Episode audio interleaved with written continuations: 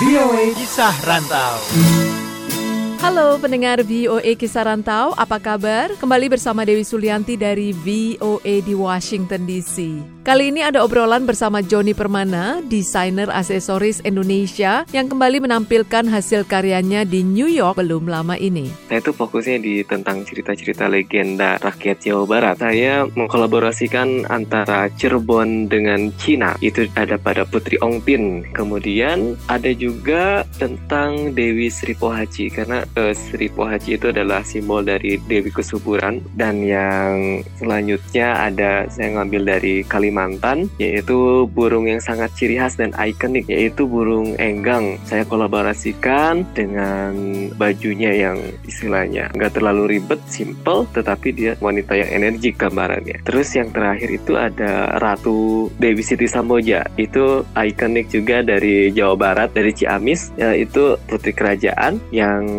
menyamar menjadi ronggeng gitu. Dan itu satu kebanggaan juga dipakai oleh uh, Miss Internasional USA Fatena. Inspirasinya sendiri dari mana? Tetap tidak lepas dari tradisi dan culture-culture yang ada di Indonesia. Apa yang paling berkesan dari fashion show kali ini? Yang pertama, saya sangat terharu. Saya membawa beban istilahnya uh, budaya Indonesia gitu, memperkenalkan ke dunia lah. New York itu salah satu sorotan dunia tentang fashion dan saya punya kesempatan untuk mempresentasikan, untuk memperkenalkan uh, baju khususnya menyampaikan tradisi melewati desain yang saya buat. Itu menjadi satu kebanggaan bahwasannya uh, kita itu berjuang untuk Indonesia itu sekarang bukan dengan perang, tetapi dengan karya kita dengan sejauh mana kita memberikan jasa kita kepada negara dan itu sudah saya lakukan dan itu istilahnya sudah aku perjuangkan membawa tradisi Indonesia ke depan uh, masyarakat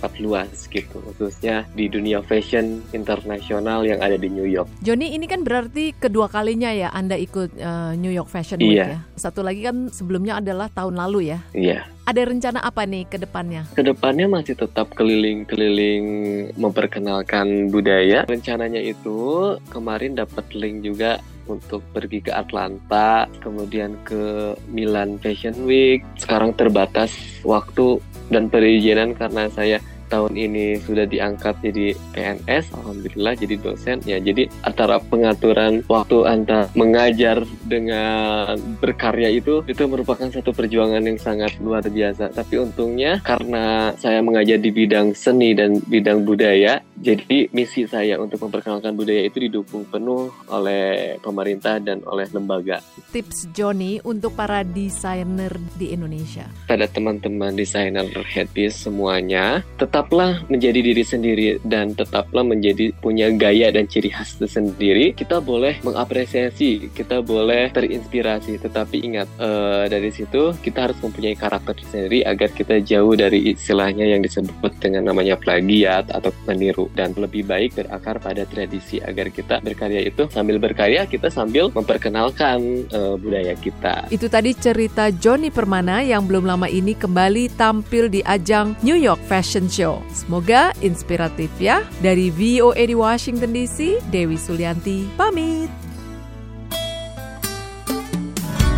The Voice of America.